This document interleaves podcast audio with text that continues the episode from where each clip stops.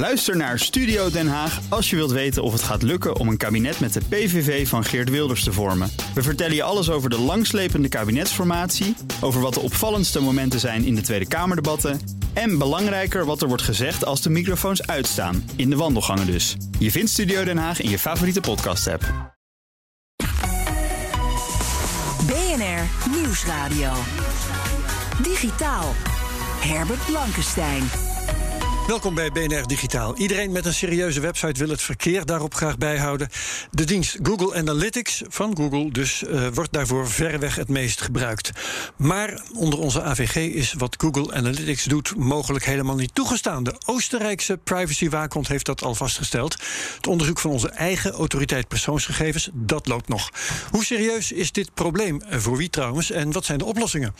Dat gaan we bespreken met drie gasten. Bij mij in de studio Menno techjurist van BDO Legal. Hallo. Dag Herbert. Welkom, vaste vriend van de show. en aan mijn andere kant Jeroen Veldhoen. Die speelt een thuiswedstrijd. Hij is eh, manager Data en Analytics van FDMG, het moederbedrijf van BNR. Hallo. En op afstand is hier bij ons Jasper Bakker, bedrijfs-ICT-journalist van AG Connect. Goedemiddag Jasper.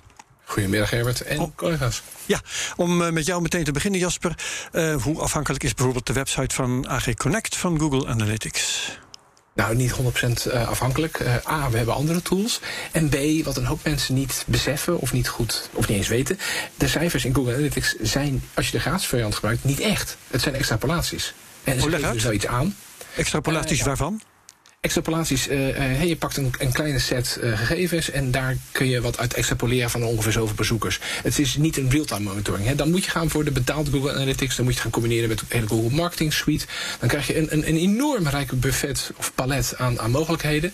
maar ja, zolang jij de gratis variant gebruikt, hè, zolang jij niet betaalt, ben jij misschien wel een deel het product. Krijg je ook een goedkoop product voorgeschoteld. Um, Oké, um, hoe is Google Analytics eigenlijk zo populair geworden? Is dat inderdaad omdat het gratis is? Of is het omdat het zo goed is? Heeft het te maken met de bekendheid van Google, Jasper? Uh, voor uh, all of the above. Het is, het oh. is gratis. Het is van de grote gigant Google. Het is makkelijk.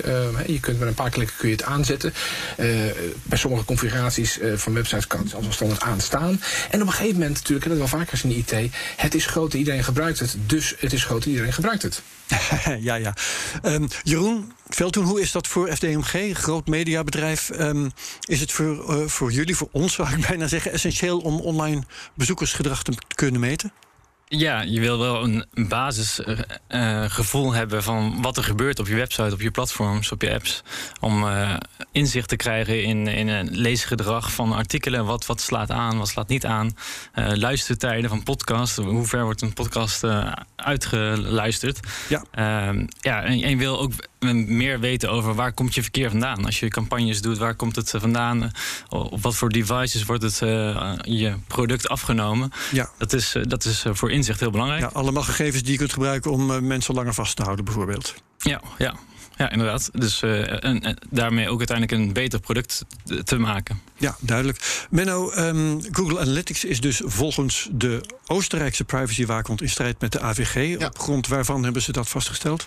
Het probleem zit hem in die doorgifte. Hè. Dus uh, je hebt een deal met Google in zeg maar, Europa voor die analytics, althans in dit geval in Oostenrijk.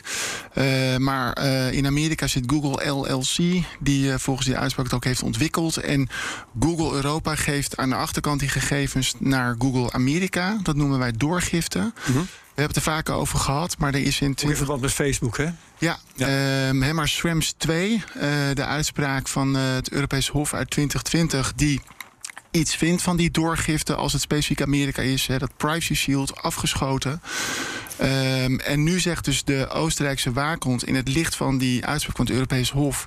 ja, komt gewoon met klare taal. Uh, het probleem in Amerika is wetgeving, dus die doorgifte kan überhaupt niet. Nee, um, maar dat Oostenrijkse onderzoek is dus vrij stellig... maar dat heeft geen gezag in Nederland.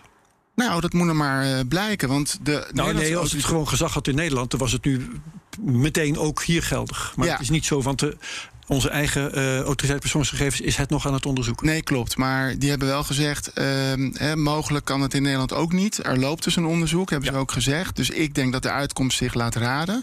Maar er is een tweede uh, belangrijk signaal. De Europese privacywaakhond voor Europese instellingen heeft dus het parlement ook kort geleden op Google Analytics teruggefloten en gezegd het kan niet. Dus de Europese waakhond over alle zeg maar, Europese instellingen zegt het kan niet. De Oostenrijkse waakhond zegt het kan niet. Ja, hallo, uh, hoeveel meer mensen moeten roepen het kan niet.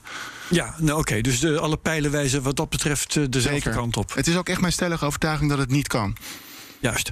Um, het onderzoek loopt nog en de autoriteit persoonsgegevens kan en wil dus zelf niet meepraten in deze uitzending. Er zijn trouwens twee klachten, twee concrete klachten die worden onderzocht, onderzocht over het gebruik van Google Analytics, Google, Google Analytics in Nederland. En de AP komt dus later dit jaar met een uitspraak, hebben ze gezegd. Jasper, is jouw verwachting dezelfde als die van Menno?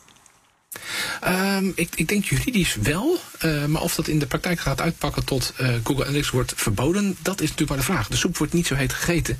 Want A, is Google anders aan gelegen om dit natuurlijk te nou ja, oprekken, aanvechten, uh, of als je het negatief bekijkt, te traineren.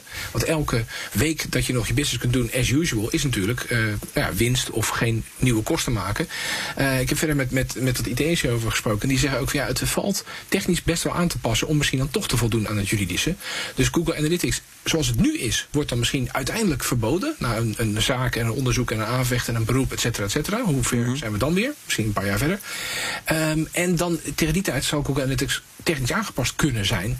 Alleen het aanpassen is niet heel makkelijk. Dat is complex, dus dat kost ook weer tijd, kost ook weer geld. Dus des te langer je dat weer voor je uit kan schuiven, des te beter dat weer is. Ja. En aan de andere kant, uh, Google Analytics is heel groot, iedereen gebruikt het. Dus als dat ineens weg zou vallen, uh, wat dan? Nou, misschien ontstaat er een mooie nieuwe Europese markt. Misschien niet. Ja, daar uh, kunnen we het straks nog over hebben. Ik wil het eerst even hebben over wat jij zegt, Google Analytics aanpassen. Um, daar zijn twee varianten, denk ik. Je kunt uh, Google Analytics zoals het nu is aanpassen door het in te stellen. Uh, laten we daar eerst eens over hebben. Jeroen Veldhoen, um, wat voor instelmogelijkheden heeft Google Analytics die het mogelijk meer in overeenstemming met de wetgeving kunnen maken? Ja, je kunt uh, best wel wat instellingen doen om, om zo privacyvriendelijk mogelijk in te stellen. Daar heeft de autoriteit persoonsgegevens ook handleidingen voor beschikbaar. Uh, dat ja, je dus uh, IP-adressen niet, niet meegeven. Dat soort maatregelen kun je nemen. Ja, dat is bij elkaar te googlen, zou ik bijna zeggen. Ja, absoluut. Ja. ja. Dus dat soort stappen kun je nemen. En in het Google Analytics 4 is ook het idee dat je met zonder gebruik van cookies meer anoniem inzicht hebt in, in het algemeen websitegedrag. Ja. Ja, en Menno, um, zijn er, is er perspectief dat dat soort maatregelen, dus uh, een beetje knutselen met de instellingen, dat die Google Analytics meer in overeenstemming met de privacywetgeving maken? Ja, uh, vanuit die. Uh, Want dat ja. zou wel heel simpel zijn. Nou ja, kijk, kijk, uiteindelijk de vraag is: gaat het om een persoonsgegeven? En dat is direct of indirect herleidbaar. Als ik Jeroen goed beluister, is misschien een oplossing dat je met hè, wellicht wat minder informatie, maar die, die informatie die je krijgt wordt misschien niet meer als een persoonsgegeven in de zin van de AVG beschouwd. Ja, dan ben je er dus ook. Hè. Dus dat is denk ik vanuit de techniek. Ik ben natuurlijk geen techneut, maar vanuit de techniek wel een interessante benadering. Ja. Uh, juridisch, maar er komen misschien nog op, zijn er ook wel wat alternatieven, denk ik. Maar... Ja, en dan wil ik nog even terug naar Jasper. Want ja. uh, het aanpassen van Google Analytics uh, kan natuurlijk ook door Google gebeuren. Dat je er gewoon in de werking van het programma dingen verandert. Jasper, wat zijn daar de mogelijkheden? Nou ja, precies wat, wat Jeroen en Menno aangeven. Maar dan op het, op het niveau van de leverancier en de default... Uh, minder persoonsgebonden uh, of persoonsherleidbare gegevens vastleggen. Ja. Misschien ook wel een, een, een, juridische bedrijfsmatige constructie... dat dus geen gegevens vanuit Google Europa worden doorgegeven aan Google LLC in de VS... Um, en, en, daar misschien een soort uh, ja, uh, Europese muur uh, op internet tussen Google 1 en Google 2. Maar vergeet ook even niet, we staan natuurlijk heel erg blind op, op Google Analytics, veel gebruikt en, en, en heel nuttig. Maar heel veel van de functionaliteit die Google Analytics biedt, is voor een hoop van de gewone, kleinere gebruikers helemaal niet een toepassing. En neem een, een mm -hmm. ja, gemiddelde meubelboer in Nederland, is het voor die van belang om te weten dat hij een keer een bezoeker heeft uit de VS. Dat kan een bestaande klant zijn die op vakantie is. Uh, dus als jij je richt op lokale markt, is informatie op de lokale markt is veel belangrijker. Dus stel dat een Google Analytics uh, verboden wordt, of, of alleen maar betaald wordt, of, of anders uh, beperkt wordt. Alternatieve producten, die er al enigszins zijn trouwens, die kunnen ook functionaliteit bieden die voor jou voldoende is. Ja, over die alternatieven gaan we het nog hebben. Uh, ik begrijp wel dat, er, dat jij een keer, uh, um, of jouw bedrijf een keer, uh, verrassende dingen heeft ontdekt. Op, dankzij informatie uit Google Analytics. Vertel eens. Ja, dat was een, dat was een, een, een vorig, uh, vorige titel waar ik voor werkte, andere uitgeverij. Dat we ineens heel veel lezers uit Zuid-Korea hadden. Echt, echt gewoon bizar veel. Webwereld dat waren was geen mensen die op vakantie waren. Nee, precies. En terwijl we toch echt gewoon Nederlandstalig waren en, en niks. Uh, het ging niet eens over Zuid-Korea. Maar er speelde toen een grote rechtszaak Apple-Samsung tegen elkaar. De een tegen de ander. En dan ga je met een tegenaanklacht komen. Over design patents op iPhone en Android toestellen van Samsung. En dat speelde voor de rechtbank in Nederland. En een van mijn collega's zat er in de rechtbank een soort live verslag te doen. Nou, en in Zuid-Korea is Samsung, dat is natuurlijk ons Samsung qua gevoel. Ja. En, en de Koreanen lazen uh, webwereld waarschijnlijk dan via Google Translate of niet? precies, precies.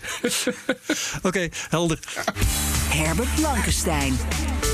We hebben het dus over Google Analytics, de populairste dienst om het verkeer op je website te meten. Het ligt al onder vuur van de privacywaakhond in Oostenrijk. En nou bijt ook nog de Nederlandse autoriteit persoonsgegevens zich erin vast.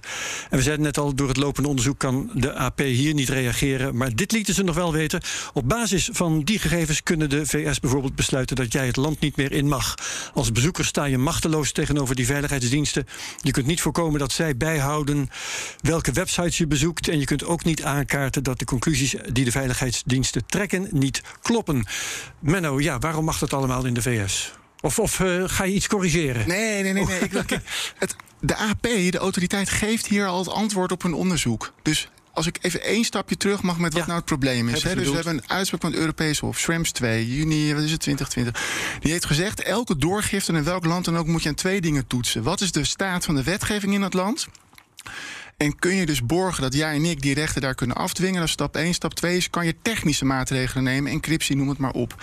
De ja, AP ja, zegt hier, het probleem in Amerika, specifiek Amerika, is de wetgeving. En mijn lezing is, dat zie je in die Schrems 2 uitspraak van toen. Dat zegt Oostenrijk, dat zegt de Europese waakhond over uh, het Europees parlement. En stiekem zegt de AP het hier ook. Het probleem is de wetgeving. Dat los je dus niet op met wat voor maatregelen dan ook. Dat wil ik hier even heel stellig neerzetten. Dus is het niet alleen Google Analytics alle big tech die zegt we hebben Europese vestigingen.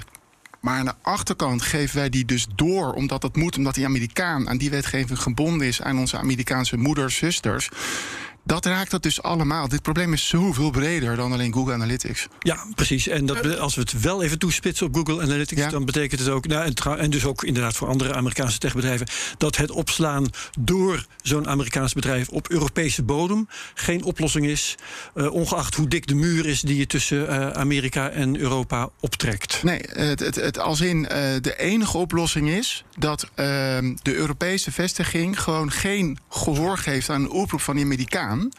Maar ik ben geen expert op het gebied van Amerikaans recht. Ik heb wel begrepen dat die Amerikaan, omdat die dat wel moet doen als de ja, dat begrepen. zeggen, ja.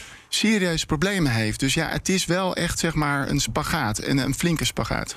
Ja, uh, stek, stek, dat is nog inbreken. Ik, ik was net nog even aan het klikken, want het schoot me eens te binnen. Uh, Hotmail, Microsoft Ierland, de, de grote zaak en, en, de Patriot Act. En dat speelde in nou, 2018 is dat daar tot een punt gekomen. Dat uh, er was vanuit justitie in de VS een vordering bij Microsoft binnengekomen van wij willen gegevens van een Hotmail gebruiken. En die gegevens bleken op te slaan te zijn in Ierland. Ja. En daar is Microsoft helemaal in, tot aan het Hooggerechtshof uh, tegen zich gaan verzetten. Maar dat is uiteindelijk uh, ja, als een nachtkaars uitgegaan, zou ik bijna zeggen. Doordat er een nieuwe wet in Amerika is aangenomen, de Cloud Act. Ja.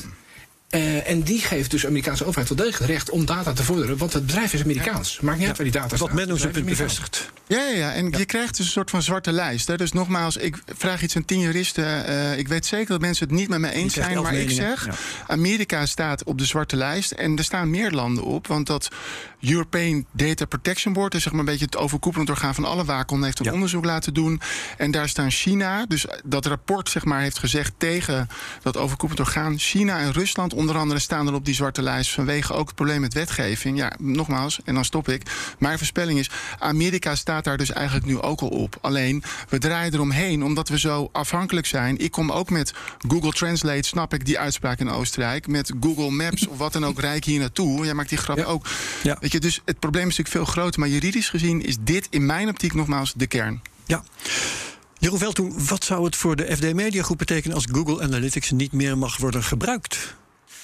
Ja, dan mis je een, een stuk bezoekersgedrag zoals we dat nu hebben ingericht. We, uh, um, een aantal dingen zoals uh, hoe lang iemand op een pagina blijft, uh, wat is een leestijd van een artikel, dat soort dingen meten we nu met de analytics. Um, ook vanuit welke kanalen komen, komen mensen op onze website, nemen ze abonnementen af. Maar gelukkig hebben wij afgelopen jaar wel gezien dat er steeds meer bedreigingen zijn. Dat data niet een, een garantie is dat je data zomaar kan opslaan van alle gebruikers. En zijn we ook uh, met andere technologieën, meer server-side, zijn we een, stel basisgegevens aan het opslaan. Waarbij we dus eigenlijk niet afhankelijk zijn van derde partijen zoals, zoals Google.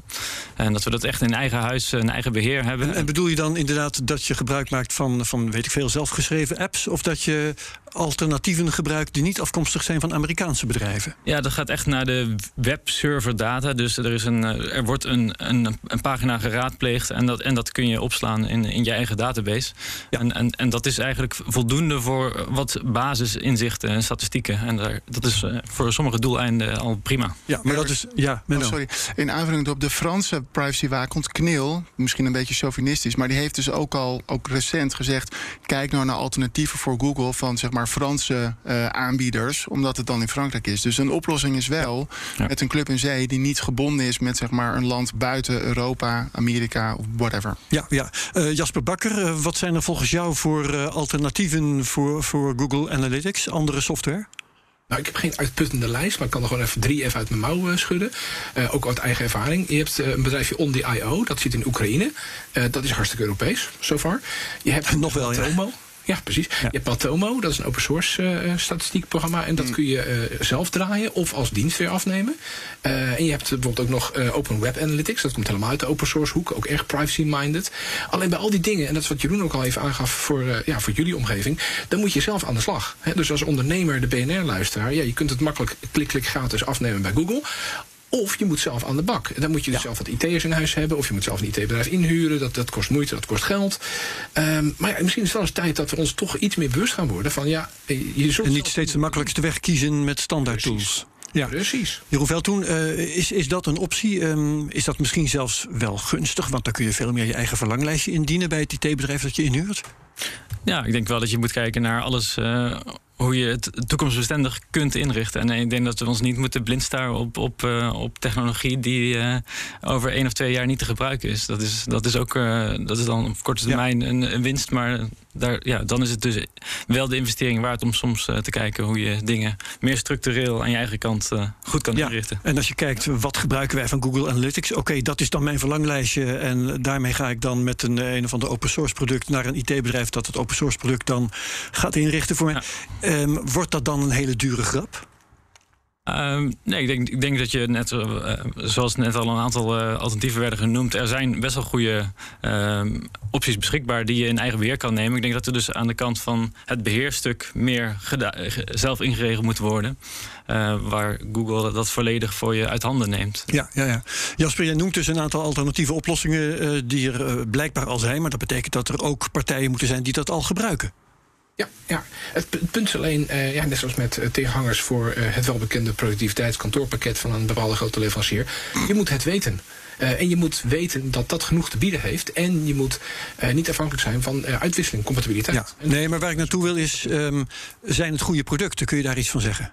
Ah, oké. Okay. Nou, niet van allemaal. Ik heb ze niet allemaal uit ervaring van waar ik nu werk en waar ik in de jaren. Nee, of maar misschien berichten van anderen die het al gebruiken.